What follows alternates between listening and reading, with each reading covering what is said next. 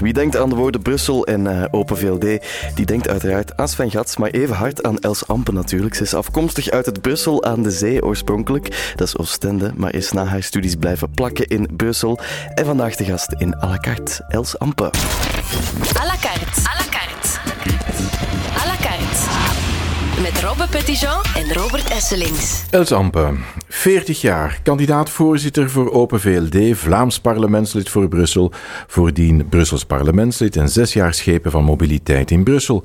Komt inderdaad van Oostende, is ambitieus, is spontaan, trekt zich maar weinig aan van wat gevestigde waarden van haar denken. In het Frans bestaat daarvoor een woord, téméraire. In het Nederlands vermetel, roekeloos. Els Ampe, bent u roekeloos vermetel? Goh, roekeloos gaat misschien een beetje te ver. Uh, maar het klopt wel uh, dat ik uh, niet altijd op het pad loop dat anderen voor mij willen uitstippelen. En ik vind eigenlijk, ja, iedereen is, is een mens, aan elk van ons om ons pad uit te stippelen. En ik vind ook dat de overheid meer ruimte moet geven aan de mensen om dat zelf te doen. Ja, u neemt het op tegen een zwaargewicht in uw partij, Bart ja. Tommelijn, die meteen de steun krijgt van, ja, van de jeugd en straks misschien ook van Somers, de Waal. Sven Gats en misschien Guy van Engel. Het zijn, het zijn niet van de minste. En toch zegt u, ja, ik ga ervoor. Ja, absoluut. Ja, dat zou kunnen natuurlijk, dat uh, een aantal uh, toppers uh, elkaar gaan steunen. dat hebben ze in het verleden ook gedaan. maar ik voel bij de basis van Open VLD, bij de leden, dat er zeer veel boosheid is. Ze voelen zich in de steek gelaten door de top. Ze willen dat de partij een andere koers vaart. En ze willen ook dat al die vele kiezers die we de voorbije 15 jaar verloren zijn, bijna 40% van de Open VLD-kiezers is weggetrokken, dat we die kunnen terughalen. Um, vergeet niet, in 2003 deed VLD het heel goed. Meer dan een miljoen kiezers. Ondertussen zijn er minder dan 600.000. Um, wij moeten iets doen, we moeten van koers veranderen, anders gaan we recht de muur in. Els Ampe, uw aankondiging om partijvoorzitter te willen worden, uh, was voor velen een verrassing, kunnen we toch wel zeggen. U ja. hebt het er net al gezegd. Uh, de basis van de partij voelt zich in de steek gelaten. De partijtop luistert niet meer naar hen. Mhm. De partijtop, dat is Gwendolyn Rutte. En wij die dachten dat jullie twee handen op één buik waren. Maar de partijtop is veel breder dan uh, alleen de partijvoorzitter. Hè. Um, en je ziet ook, uh, als je kijkt naar het partijtop, wie zijn dat? Dat zijn degenen die elke woensdag bijeenkomen, s'avonds. Uh, dat is niet alleen de partijvoorzitter, daar zitten ook ministers bij, fractieleiders en zo verder. Je hebt ook het partijbestuur. En je voelt dat er een grote afstand is gegroeid tussen de top en de basis. Er zijn in, uh, in Vlaanderen, in Brussel, heel veel mandatarissen die het goed doen. er zijn burgemeesters die uh, uh, meer dan 30% halen. Ja, die maar mensen hoe is verhouding, wel groei, hoe is uw verhouding met, met Gwendolyn Rutte? Persoonlijk uh, heb ik eigenlijk met iedereen een uh, goede verhouding. Uh, ook Bart Tomlijn is altijd vriendelijk tegen mij. Maar het gaat niet over hoe je met iemand overeenkomt. Het gaat erover welke weg wil je uitgaan. En daar heb ik al verschillende keren aangekaart dat er toch een probleem is in België dat mensen niet meer vooruit geraken.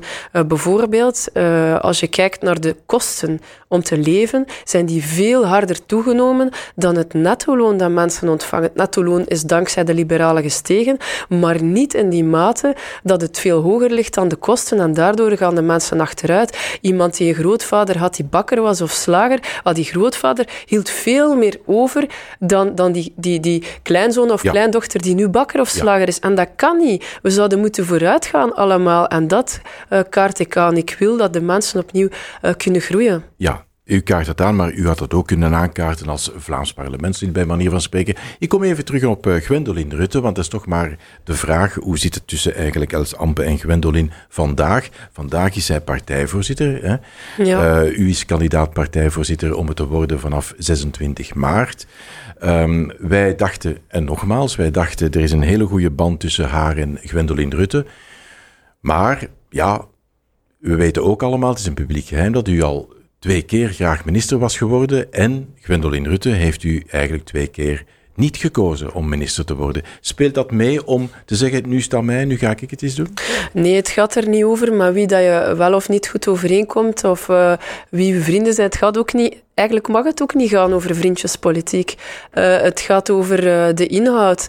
En daar ehm, heb ik het al gezegd. Ik wil dat mensen opnieuw kunnen groeien. Mijn thema is groei, zowel economisch als mens, maar ook als partij. Ehm, en binnen de partij uh, moet ook die democratie verder uitgebouwd worden. Ja. Op dit ogenblik, u zegt het daarnet, eh, een partijvoorzitter beslist over wie er minister wordt. Ik vind dat dat veel breder moet gaan. Uh, je, je, je moet uh, dat ook bespreken en voorleggen aan de partijraad. Er moeten veel meer mensen betrokken worden in welke positie wordt het ingenomen. Dat kan niet zijn dat je in een liberale partij één persoon hebt die de keuzes maakt, maar dat is onafhankelijk van wie dat in het verleden gedaan ja, heeft. Ja, maar inhoudelijk nu, om terug te keren tot de inhoud zoals u zelf zegt. Vorige week was er die fameuze nota. Uh, Koens Boucher, die is uitgelekt. Ja. En ineens kwam mm -hmm. daar uh, de reactie van de Open VLD, de top, dus ik neem aan van Gwendoline Rutte, mossel ja. nog vis. En iedereen dacht, kijk, Ola, um, wat speelt hier nu weer al mee? Um, haar teleurstelling dat ze eigenlijk niet paars-groen en de Christen-Democraten uh, in het zadel kan helpen? Of hoe zat het eigenlijk? Ik weet het niet, ze heeft mij daar niet in betrokken. Ik het kan viel ook eigenlijk niet, samen met, u, met uw kandidatuurstelling bijna, bijna dag op dag van, uh, van ja, haar reactie of de partijtop die zei mossel nog vis, wij doen niet mee. En dan ineens was daar de grote ruzie of de verdeeldheid binnen uw partij. En ineens zei u, ja, maar ik zal ik ook wel eens partijvoorzitter willen worden. Well, kijk, um, ik, ik weet niet wat in haar hoofd heeft gespeeld uh, om die uitspraak te doen. Uh, maar ik stel wel vast dat er... Een... wel van haar, die uitspraak. Um, ja, ja. Uh, ik, ik, stel wel vast dat er een nota was van Magnet die uh, heel veel uh, belastingsverhogingen inhield. Um, waarvan ik zeg, nu moet er toch een coalitie komen van de belastingstop. Ja. Het is genoeg geweest. Er moet een coalitie komen van de koopkracht. Mensen opnieuw groei, economische groei bezorgen.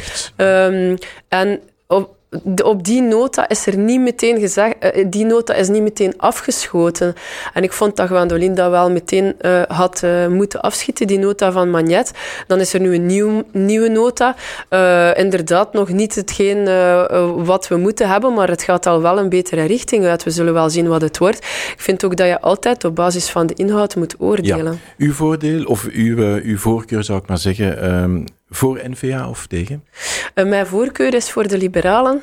Ja. u zal mij dat niet kwalijk nemen. Maar u is ingenieur, u kan tellen. Dus uh, is u voor een coalitie met de N-VA of zegt u nee eigenlijk ik ben vooral, niet? ik, ben, ik herhaal het opnieuw. Ik ben vooral voor een coalitie van de koopkracht en een coalitie die een stop uh, plaatst op uh, de belastingen.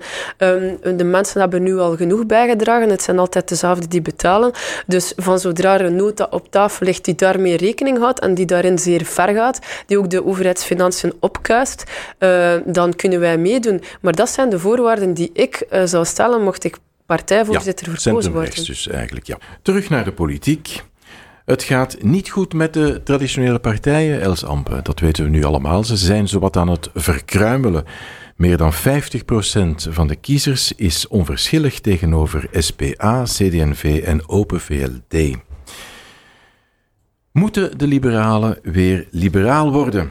Ik bedoel daarmee blauw en rijk, genre Alexia Bertrand. Dat is wel een uh, vooroordeel. Uh, er zijn heel veel liberalen die, uh, van, van alle lagen van de bevolking. Dus het gaat erover liberaal zijn. Dat betekent dat je ervoor zorgt dat de armen rijk kunnen worden. Dat is de eerste doelstelling van iemand die liberaal is. En dat mensen kansen krijgen om vooruit te komen. Maar je hebt gelijk, mensen zijn onverschillig tegenover traditionele partijen. En hoe komt dat? Kijk, er staat van alles stil. De overheid is nog nooit zo groot geweest. En uh, ze krijgen geen projecten meer van de grond. De treinen uh, die, die hebben meer vertraging dan ze op tijd zijn. Uh, de metro geraakt maar niet gebouwd. 5G is er nog steeds niet in Brussel. En zo zijn er tal van voorbeelden. Ja. Mensen zijn dat beu. En de groepen die zich verzetten tegen allerlei nieuwigheden, tegen uh, nieuwe projecten, die krijgen meer gehoor bij de traditionele partijen en bij de overheid dan mensen die groei creëren. Bijvoorbeeld als u ondernemer bent en u wilt de werknemer meer betalen, meer netto-loon betalen, 100 euro netto-loon extra, dan gaat u naast die 100 euro netto-loon ook nog eens 150 moeten betalen aan de staat. Dus u moet eigenlijk meer opslag geven aan de staat dan als, aan uw werknemer. En die staat die maakt er eigenlijk niet veel van, die bakt er niet veel van. Ja, dan worden mensen boos. Ja, maar Els Ampe, uw partij is toch ook altijd aan de macht? Onze partij, onze partij is uh, inderdaad al heel lang aan de macht. Uh, sinds uh, 1999 op het federaal niveau, ook op regionaal niveau. In Vlaanderen is ze wel tien jaar in de oppositie geweest. Maar je ziet dat, dat, dat, dat de liberalen wel gevochten hebben om een efficiëntere overheid te bekomen. Maar niet genoeg. Maar dat dat overheidsbeslag daar nog altijd veel te groot is en dat we vastzitten met allerlei reglementen. we zitten ook soms vast in denkpatronen. Ik ga u een voorbeeld geven. We zeggen altijd dat we minder staat willen. Bijvoorbeeld, we willen de Senaat afschaffen. Dat kan dan niet omdat de grondwet nog niet voor herziening vatbaar verklaard is. Allemaal moeilijke woorden. Maar we zouden bijvoorbeeld al vandaag kunnen beginnen met te zeggen, laat ons die Senaat niet meer bijeenkomen, behalve voor het strikt noodzakelijke. Dan kan je de helft van het personeel in opzeg eh, gaan plaatsen en dan heb je weer heel veel bespaard op je overheid. Allemaal thema's die u als eh, Vlaams parlementslid op dit moment niet kan behandelen, bij manier van spreken. Hoe zit dat daar in dat Vlaams parlement als Brusselaar? Is dat niet wat saai? Well, ik moet eerlijk zeggen dat ik um, uh, heel erg uh, verbaasd was uh, door de vele reglementen die daar eigenlijk in het Vlaams parlement heersen en, en bijna overheersen op de democratie. Um, ik denk dat er in de parlementen ook nood is aan meer democratie, meer ruimte voor de volksvertegenwoordigers om punten op de agenda te zetten die niet altijd in de gazet hebben gestaan. Want nu zie je dat bijvoorbeeld de plenaire vergadering van het Vlaams parlement op woensdag gedomineerd wordt door enkel thema's die de, de dagen daarvoor in de krant hebben gestaan. Ja. Uh, dat, dat, zijn eigenaardige dat is dingen. in alle parlementen maar zo, natuurlijk, ja. maar de mensen, uh, wat, er, wat er gezegd wordt op straat, op de markt, op café, door de mensen, dat is even hard actualiteit dan hetgeen in de gazet staat. Ja. En ik vind het onze taak om ook dat uh, te doen. Meer democratie in de parlementen, meer ruimte voor de volksvertegenwoordigers, meer scheiding van de machten. Die particratie die heerst in België, waar de mensen zich van afkeren. Uh, die moet uh, uh, ingebonden, die moet inbinden. Ja, komt erbij dat u als Vlaamse Brusselaar in het Vlaamse parlement alleen maar bevoegd is voor gemeenschapsmateries, dus ja. persoonsgebonden materies. Als ingenieur mag u zich niet eens uitspreken over, ik zeg maar iets, de verbreding van de ring. Ook um, niet plezant. Toch wel, jawel. Ik, ik mag mij als volksvertegenwoordiger overal over uitspreken. Maar niet stemmen. Uh, je mag niet altijd stemmen, maar je mag niet vergeten dat de thema's waarvoor het Vlaamse uh, parlement en de Vlaamse regering bevoegd is in Brussel, namelijk onderwijs, kinderopvang, een deel van de gezondheidszorg, preventie, dat dat ook heel belangrijke dingen zijn. Uh, ik hoor in het zuiden van Brussel is er opnieuw een probleem uh, bij de inschrijvingen in de scholen. Mensen gaan nu eh, in het middelbaar ja. Uh, hun kinderen inschrijven. Er zijn onvoldoende plekken. Dat zijn zaken waarvoor het Vlaams parlement, de Vlaamse regering bevoegd is. Dat is toch heel belangrijk voor ja. de mensen. Heel kort, er is een vraag binnengekomen van een zekere Pieter-Jan Volkaart. Het gaat over iets helemaal anders. het gaat over uw klein elektrisch autootje. Ja. Hè? Dat is nogal in, de, in het nieuws geweest. En hij vraagt zich af, heel kort antwoorden, uh, is dat de oplossing voor ons fileprobleem? Wel, ik rijd inderdaad met een uh, elektrische, uh, ja, je zou kunnen zeggen een golfkar. Het is zo wat de helft van een smart.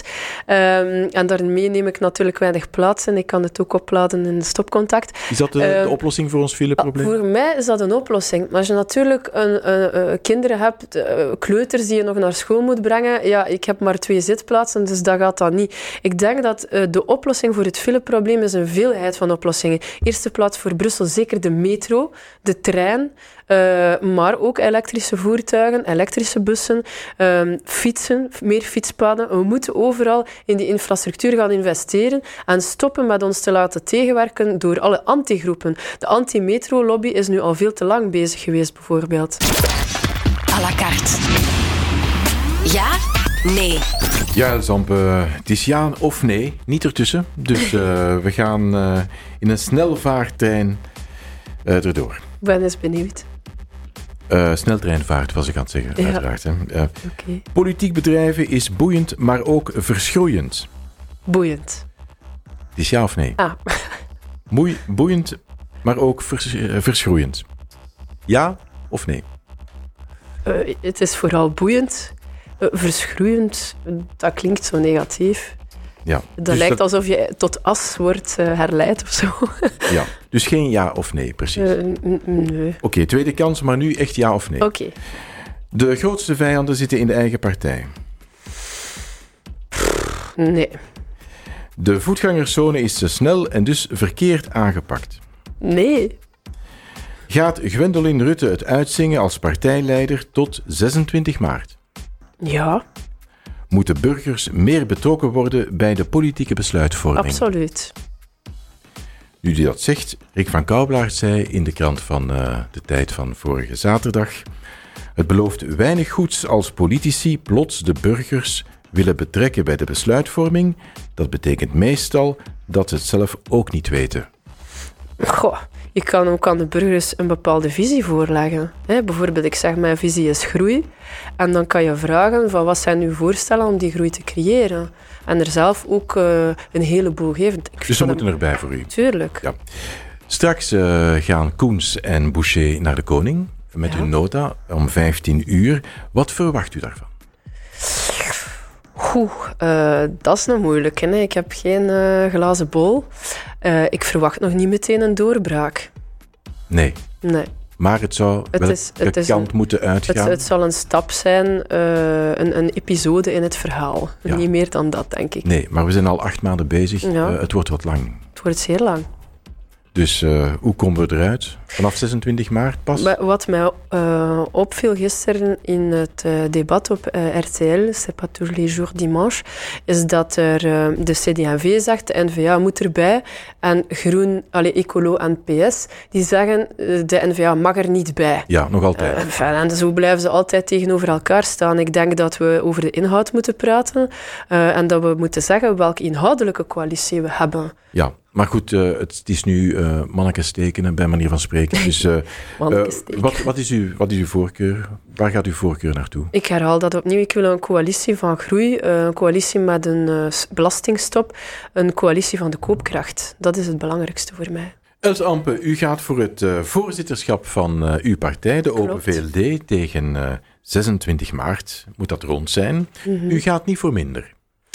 Uh, ik ben kandidaat-voorzitter, dus de bedoeling is wel om dat te worden. Alleen zo kan ik uh, de partij een andere richting uitsturen en dat is ook wat de basis verlangt. Ja, het wordt uh, veel hossen en in Vlaanderen en in Brussel vermoed ik de komende weken en maanden. als moeder van vier kinderen, wat geeft dat?